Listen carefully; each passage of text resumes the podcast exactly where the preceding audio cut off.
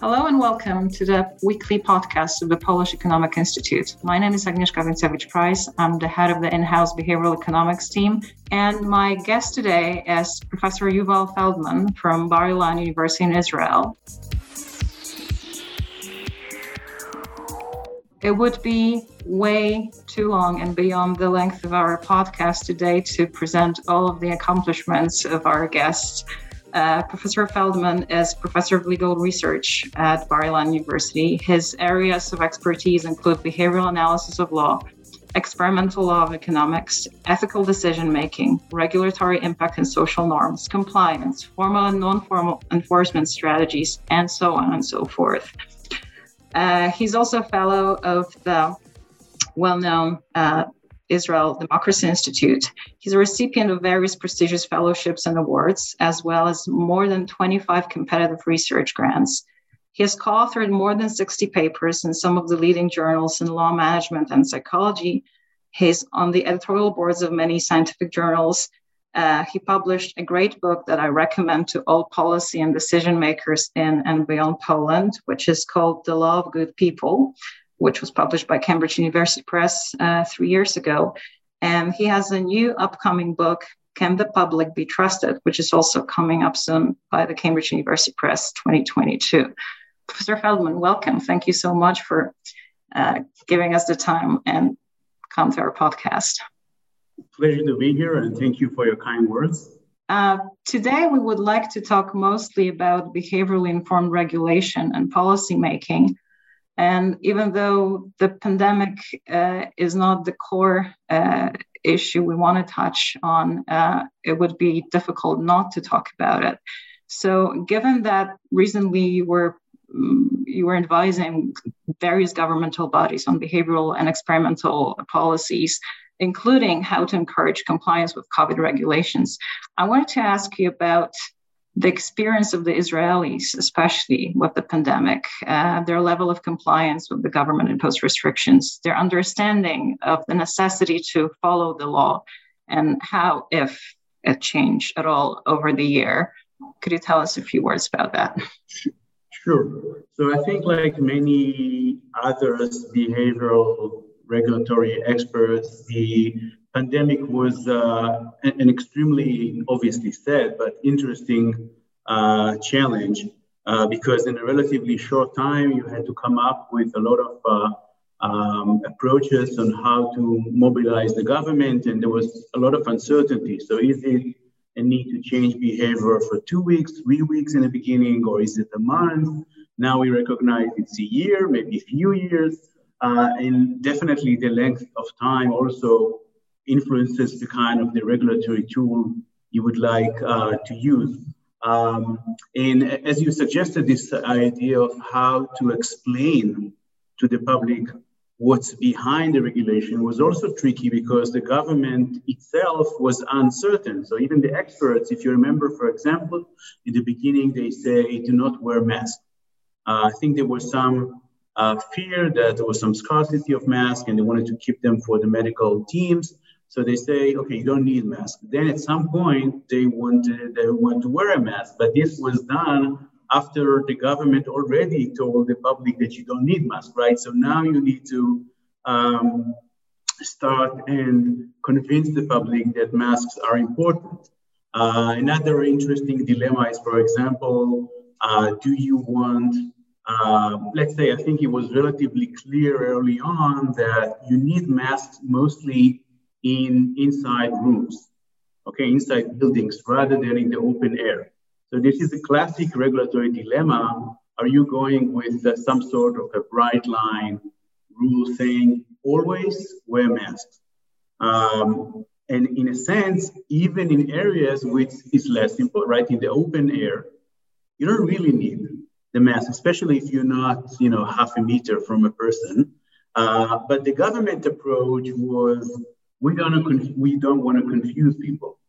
But from a behavioral perspective, when you when you have a discussion about that, uh, you lose a lot of legitimacy, right? So if you um, say to people, you know, always do it, right? Even if you don't understand it, then uh, at least there is some uh, theoretical possibility that uh, you kind of ask for too much. And so uh, you ask for too much, then people end up never complying with regulation because they kind of lose confidence in the science. So this is kind of an example for uh, a dilemma. Um, sanctions, right? There was a huge variation between countries. If you want to use sanctions, if sanctions, how high should be the sanctions? And there's a lot of research uh, about the optimal usage of, of sanctions. Um, and it's impossible to, to separate And It's okay for politicians to be politicians, but um, it's not uh, the only um, uh, rationale uh, which will inform policymakers about how big the sanction should be is related to behavioral science, right? They need, you know, they need to, to think about how it looks, uh, not to anger people. Um, and again, the, the, complicated situation in Israel was that, in a sense, we, in the last year, the, the Israeli political system was in a long campaign.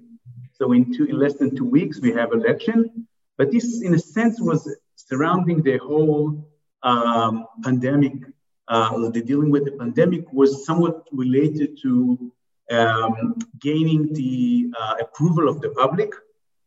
Uh, in a way, I mean, in a sense, you could say a democratic country always need the approval uh, of, of, the, of the people, right?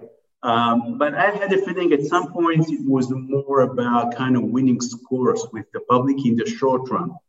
So rather than doing always the right thing, is thinking how do I look good? So some somewhat populist approach. And that, that that's a well-known um, idea about democracies and and and they're willing to win, win support, especially in difficult times. But coming back to the Israelis themselves, internationally, they have a reputation of a very, or a rather disciplined and obedient society. Uh, do you agree and if so, how would you explain this? Or if you disagree, how would you explain the reverse?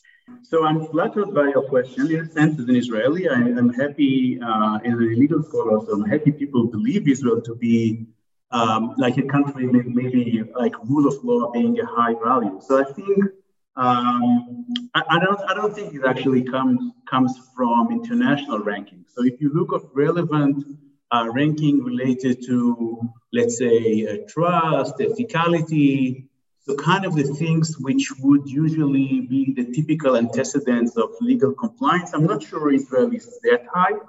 Um, like in Israel, we always speak about like the Nordic countries, like the Scandinavian countries is, as kind of where we want to be.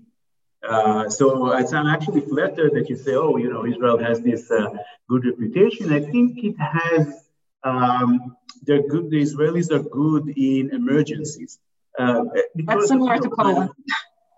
Yeah, uh, so, you know, because of the, um, uh, the, the, the, history and, and the kind of the, the threats, which are mostly around kind of security and dealing with wars and terror and stuff like that, I think there are good sense of dealing with emergencies, but I think this too is related to what I've started with is kind of the length of time, right? So usually emergency, or even like if you look at the uh, recent wars Israel has been to, it's like few weeks.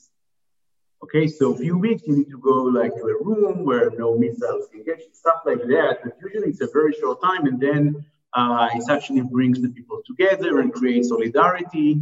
Uh, and I think Israelis were really good in the first wave. Um, because again, it was kind of okay, this is a new type of a disease. People took it very seriously. Uh, and I think the level of compliance was very high. Uh, Israel were really good in the first wave. Um, but I think I've read somewhere that like it depends also in what, right? So in terms of mask wearing, uh, wearing mask, I think like in the third wave, uh, someone I read somewhere that, uh, with the exception of Asian countries where mask wearing, I think, is more part of the culture, um, Israel was one of the highest in the world. Uh, but in other areas, for example, um, um, if you are in quarantine, so you're exposed to a confirmed patient, you need to be, at least in Israel, for 10 days with two negative tests. Um, so I've read uh, that the health ministry publicized something in the neighborhood of close to 80% of hmm. Israelis evaded uh, quarantine, which is a, this is I think relatively high non-compliance. So this is based on some technological kind of aggregation of cellular movement, and you can challenge some of those because, for example, you are allowed to go to and get tested. So it's possible that some of the data takes into account even permitted uh, activities where you are allowed to, for example, to go and get medical attention, even if you are in quarantine. Uh, so there are certain activities you are allowed to do, very hard to, to for that. But I think the general feeling was that um, this was not something that people care too much about. And this was especially true for people coming from abroad and with all kind of, you know, the, uh, uh, the British uh, variant of the of, of COVID, uh, which came from people coming from abroad uh, and not actually complying with the quarantine uh, regulation, right? If people, if everyone would have complied, this should not have happened, right? Israel, in contrast to many like European countries, have only one airport, uh, international one, I mean. So it's actually very easy, supposedly, to say, okay, we're going to screen everyone coming in, and we're going to expect them not to interact with people for the first 10 days. The fact that we had such a spread of the the British variant just suggests how uh, how much actually people didn't comply. Mm-hmm. Uh, and this is what about the vaccine then? Uh, sorry to interrupt, but we, because we're running out of time slowly, I wanted to ask about that vaccine because uh, it seems on the world map, uh, Israel features as a success story in terms of vaccine uptake. Uh, is it because the Israelis are so compliant in that area, or did you actually have to nudge them? Was that necessary? And if so, how so, did you do it? Right. So, of course, first of all, it's kind of, um, uh, you know, the Pfizer basically had to choose a country to be kind of a case study. And because the, these large four HMOs in Israel all dig- digitized with a lot of ways to contact people and to know who they are. So this is the logistical part. So there, you had the Pfizer giving the uh, uh, uh enough kind of doses for everyone. Uh, you have the digitized HMOs. People were actually very easy for them to spread throughout the country, which is relatively small. So those are all the logistic ones. I think actually, and it was a, you know, there is a lot of debate about the jurisprudential problems with the green passport, uh, but I think it's actually was very effective uh, in a sense that people thinking um, that they might not be able to enter, you know, movie theaters, shows, government buildings without the vaccine. This was uh, this had an, an, effect. So I don't know exactly if to even frame it as a nudge or it's kind of imposing a minor cost because everyone could have got tested and get in, right? So this was in a sense the legal um, obstacle was you cannot prevent people from entering places. So you need to give them the option of, of, of testing, right? So if you don't want to get the vaccine, you can get tested and then, but this actually created a minor cost. It's not a huge cost, but it was enough, I think, to push people to uh, to get the, the vaccine. I think there was also, um, I think, in generally speaking, um, at, at, least I'm not sure about Poland, but in contrast, for example, to the US, science is not politicized in Israel. Okay. So it's not you don't have this kind of you know Republican Democrats thinking about I don't know like uh, with regard to the environment or stuff like that where everything I don't believe it or so uh, uh, there are many things where people think okay tell me what you vote and tell you what you think not so much with regard to the science it was but it was kind of in the margins which I think also was very good so people have trust in the in the medical uh, in the doctors, in the, the biologists, in the science, uh, which I think also uh, help. Um, again, I'm not sure exactly about the percentage, but I think um, they have there are only close to six million who could get who could get the vaccine, so over 16, and like five million and two hundred already got it, at least the first vaccine. So at least behavioral. That's pretty impressive and, and, and very interesting for the Israelis to trust science as much because, uh, well, I have two other two more questions about the vaccine. One is, given what we know about it, is it still um, rational or reasonable to fear it, as some people do? Uh, and then my other question would be, uh, is it then an okay move for the public authorities, uh, not only in Israel, but in other countries, since you advised uh, international bodies as well, to encourage the fearful and the skeptical to take the vaccine, given their mistrust, not only of the political class, but also, as it is in other countries, of science and especially the media. Or I'm thinking here especially of the literature on confirmation bias and how people who are skeptical of certain things or do endorse certain theories uh, interpret all the information they receive from different sources in a way that confirms their the theories they had held all the way. Right. So uh, of course I'm, I'm not a, a, biology. So in terms of how safe is the vaccine, I myself trust other scientists who know more than me about that. Um, but I think overall, there are so many people around the world already getting it. So at least short term uh, side effects, I think, could be relatively uh, ruled out. And, and, I think there is a lot to speak about how the whole uh, mRNA is a, is a relatively, it's not as new as people assume. Um, I really believe in what's kind of called the responsive regulation uh, approach, where in a sense you start with convincing people and only in then kind of escalate to you know incentives and then sanctions and so forth although i don't think you need to use sanctions when it comes to the vaccine um, and i think um, you definitely even though people might be skeptical i still believe uh, people should uh, get the opportunity to be reasoned with so, uh, and I think most people, as you suggested, are not so much objecting to the, the vaccine. They're more kind of skeptical. They don't sure. Some of them say, let's wait. So I think for people who say, let's wait, I don't think there is a reason to wait anymore, right? There's so many people, like in Israel, people got it from December. So we're already three months after like tens of millions of people. Uh, I mean, not in Israel, but definitely there are tens of millions around the world who are already three months uh, into the vaccine. I mean, there really no reason to wait and see what happens, right? I mean, this human tendency to say, uh, well, you know, I'm not losing anything. Um, I think this is uh, something that definitely people should uh, um, uh, should not worry so much about. And this is also from a behavioral intervention approach. Uh, we suggested, for example, to suggest, you know, it's not it's not going to be there forever, right? This feeling of people, you know, um, maybe I'm going to do it in half a year or something. This was something that you can easily, for example, uh, give you, you know, an a, a text. This is kind of the time you need to come and get the vaccine. If you don't come, um, then you could you lose your uh, and may, it might happen. Maybe it's going to be a scarcity. Maybe you're not going to get it. Um, so kind of in a sense, fight this feeling of people. I can always wait and get it later.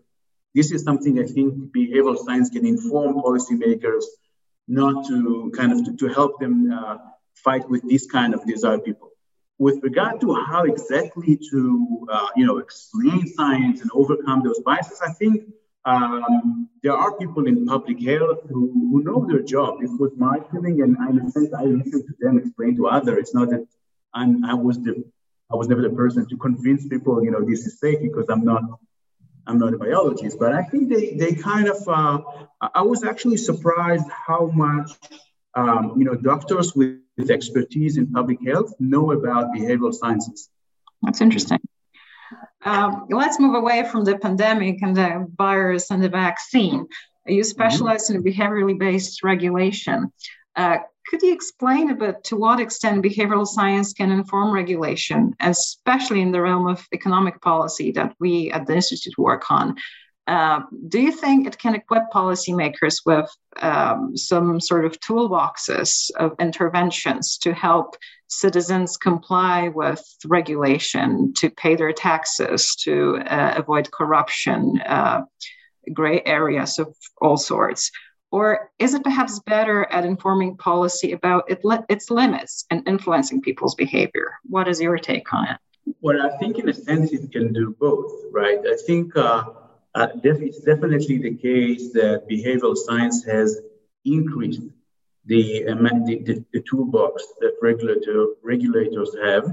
Uh, and I think there's a lot of research about, you know, nudges and reminders I do a lot of work on, on pledges. So try to help regulators trust businesses by creating a very kind of uh, uh, more kind of an integrative kind of pledge approach where um, not just you know clicking a, a, box or something, but making it a more meaningful process for which uh, we try to convince regulators that they can trust businesses, right? And this has a lot of uh, good influence on the economy where you actually use trust enhancing regulatory tools. Um, so I think there is a, a, lot of research about many, many tools. I think uh, what behavioral science is not um, as good yet is which tool to use when.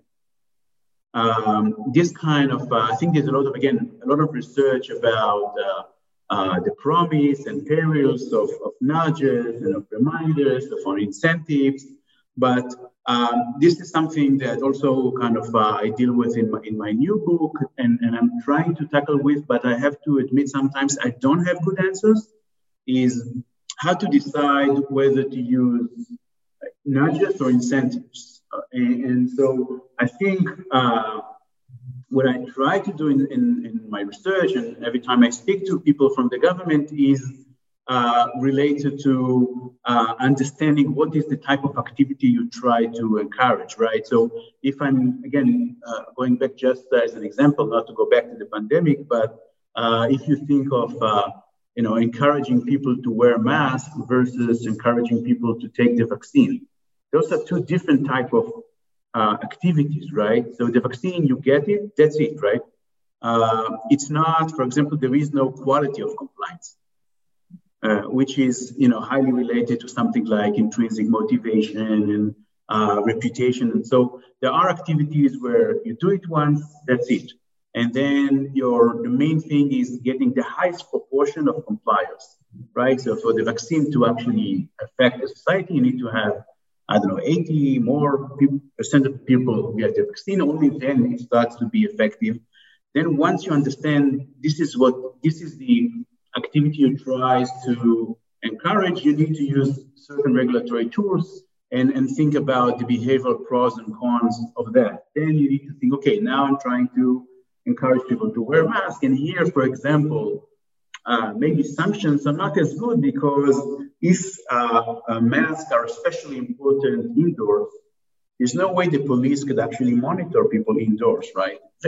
Sometimes if it's public places, but you know most of the uh, uh, infection happen in private, and you know it's very rare the case that the authorities can know what happened there. So then, okay, once you focus too much on sanctions, you end up losing a lot, right? Because you cannot monitor what happened inside doors. You can only monitor outside, and then in a sense, you're inefficient in your enforcement efforts. You're focusing exactly in the areas in which the mass setting is not even needed. But can um, policy go beyond sanctions, and can it actually influence people internalization of law so that they can somewhat habitually wear the masks inside, not because they fear the sanction, but because they think and feel this is the right thing to do. Is there any space in the lawmaking that can accomplish that? Well, definitely hope so. Um, and you know, there are success stories. I mean, seatbelt is kind of the common example for something where people learn to understand why it's important and now no one even think about it, right? You enter the car, you put the seatbelt. So putting kids in seatbelts. I remember growing up, we were just jumping in the car. No one had kind of you had the idea of putting kids, uh, you know, like today. Uh, but today, I mean, no uh, parent, uh, and I think governments around the world was very were, were very good in saying, you know, if you're a good parent, you're going to put your kid uh, in in a safety kind of uh, a booster and or a seat in the car. Um, and I don't think people even think, right? This became a habit. And I think it's interesting to think how we can create more kind of the seatbelt uh, success in other areas of law. So how can we do it with regard to the environment, or with regard to taxation, with regard to safety, um, and many other situations, how uh, we can kind of um, create those situations. Although again, I think it's interesting, and this is also something I, I touch upon in, in the new book, this whole idea of habit, right? And, and many psychologists are very happy with habit creation and they think it's the best approach. And, you know, repetition, this can create um, uh, habits. And in a sense, is also what like religion is doing, right? Creating these rituals that you do again and again. And so people stop thinking. And I think the, the common example is like, uh, you know, the um, Uber, right? So this idea that they are in the car, they uh, passengers finish, and then without thinking, they move to the next passenger, like Netflix binge, right? So you watch a movie, you finish, it keeps on, and so so many it people. keeps going. Right, but there are contexts where I'm not sure it's the case that we are happier. Let's say uh, people will stop discriminate, but will make it a habit. So you don't even think about it. You just do it. Sometimes I think you do want people to reflect. Uh, I mean, I think there is a value for not making everything habitual, but we actually, and in a sense, part of democratic uh, approach, I think, is for people to want to comply, not just to comply. And in those areas, some of the behavioral approaches one might uh, suggest are somewhat problematic, right? So there is this, uh, uh, someone from LSE just published something about nudge plus, where the idea was you nudge people first and then you give them time to reflect. So try to get the best of all worlds, right? Uh, and I think it's an important approach because we don't want to create robots, right? I mean, some, you know, maybe in the pandemic you say this is a short you know, like this you hope, right? We're not going to have it now every few years. So, you know, people get the vaccine, whatever. I mean, we don't want to uh, maybe invest too much time in the reflection.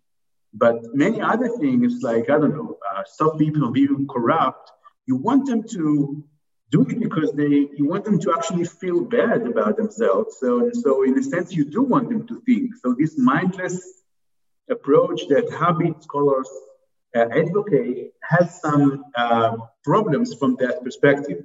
And I think the, the interesting kind of challenge is how to mix them. This is some of the things I'm, I'm trying to, to suggest, but it's not that I have all the answers, but I think at least we need, as, as legal scholars, at least be aware it's not just about behavioral change.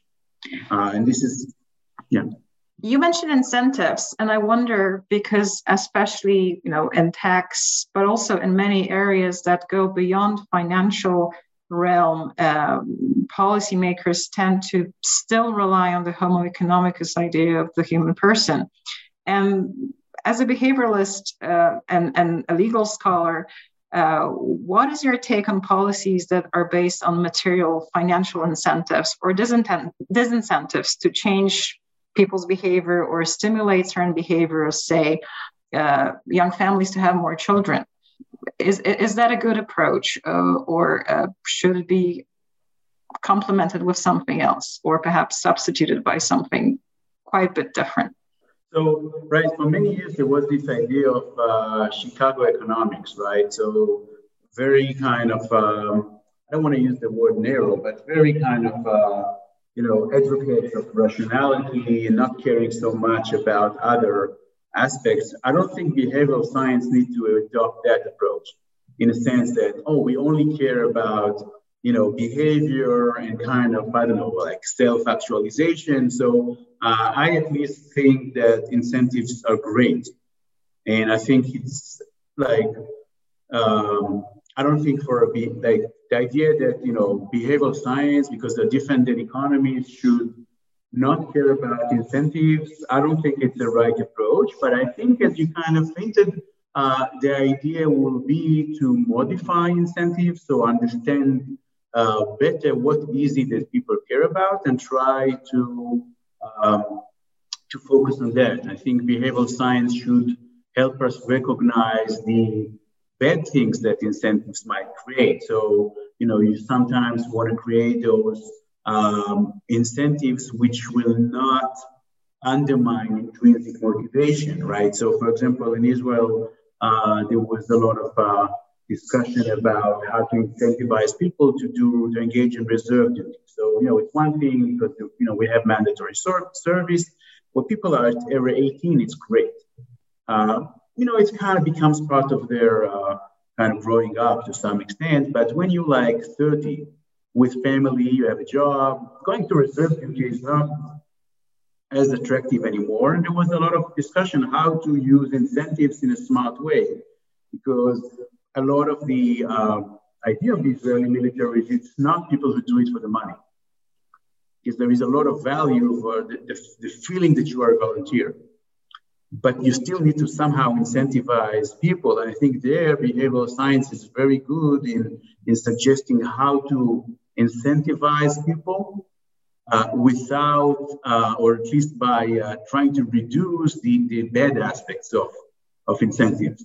And also, obviously, use uh, you know the type of research that the Gneezy has been doing. That if you use incentives, you need to be able to provide them for a long time, right? This is the worst thing to do is to start with it. It has to be sustainable and, and right. you cannot break the bank by doing it. But, but from the other side, if I just want to read the thought that um, I, have been in a lot of work on corruption and, and material self-interest, and I think here the law is really mistaken by putting too much effort on material self-interest. I think the most problematic cases of conflict of interest both in the uh, public political level and in corporate context, for example, are self-interest which are not actually material self-interest.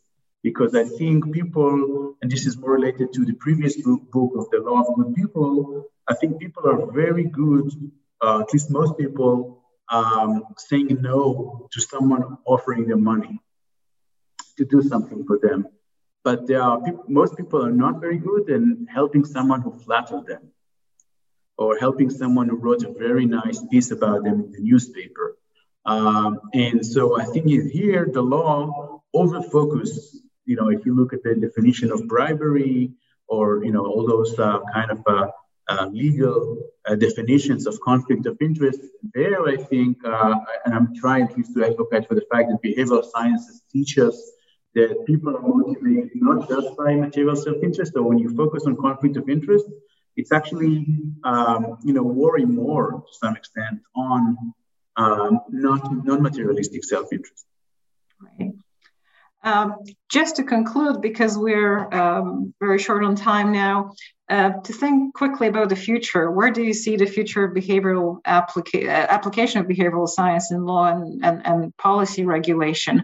Would you agree with Richard Thaler, who said, uh, you know, sometime from now we won't talk about uh, behavioral economics uh, because economics as such will be understood to be behavioral? Um, do you think we'll experience this sort of merge of, of the two, uh, or do you see value of keeping those separate?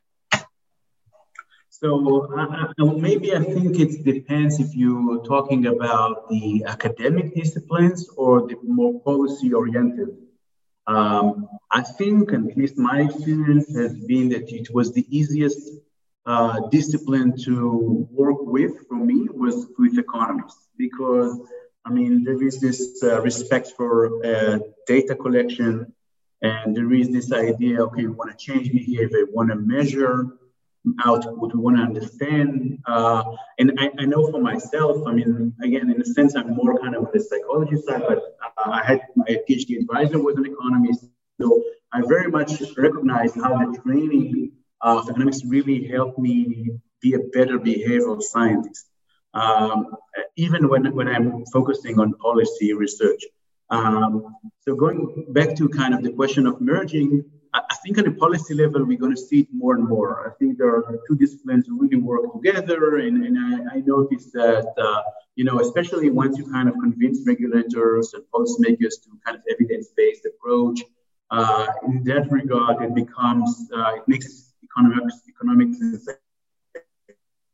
psychology easier. But the disciplines actually see the value of keeping them separately. So I think you need to have, um, you know, to some extent, and the uh, the training of economic uh, economics to uh, show you know find clarity and you know try to translate stuff to to models and equations. Um, I think if from early on in their education you will tell them how complex is human motivation, you might uh, they might not be able even to, to capture what they're really good at, as this is translating life to math. Um, so in that regard, I think uh, um, there is a lot of uh, uh, rationale to keep those uh, kind of disciplines uh, separated and, and have them really, really good in, in, in math. Um, and also, you know, the economics, they do econometric research, so the better in the type of analysis needed for real life data, while psychology is so much better. Um, at least in my training, I got a lot of kind of the statistics related to experimental design, which is somewhat uh, different. And I think, uh, uh, I, to my my feeling, um, having the training separately and then maybe mixing it in the graduate level. When you do kind of more advanced degree, then maybe combine it. But at the beginning, I think it makes sense to keep them separately. This is my feeling. Professor Feldman, thank you so much for taking part in our podcast. I'm very much looking forward to reading your next book, and I highly recommend to our listeners that they read the one that's already published and uh, wait and see and buy the new one as well. Thank you so much, and I hope since there are so many more top, there are so many more topics I would like to cover in this podcast that we'll get a chance to to meet again in some time. Thank you again. Thank you. Thank you. It was a pleasure to be here.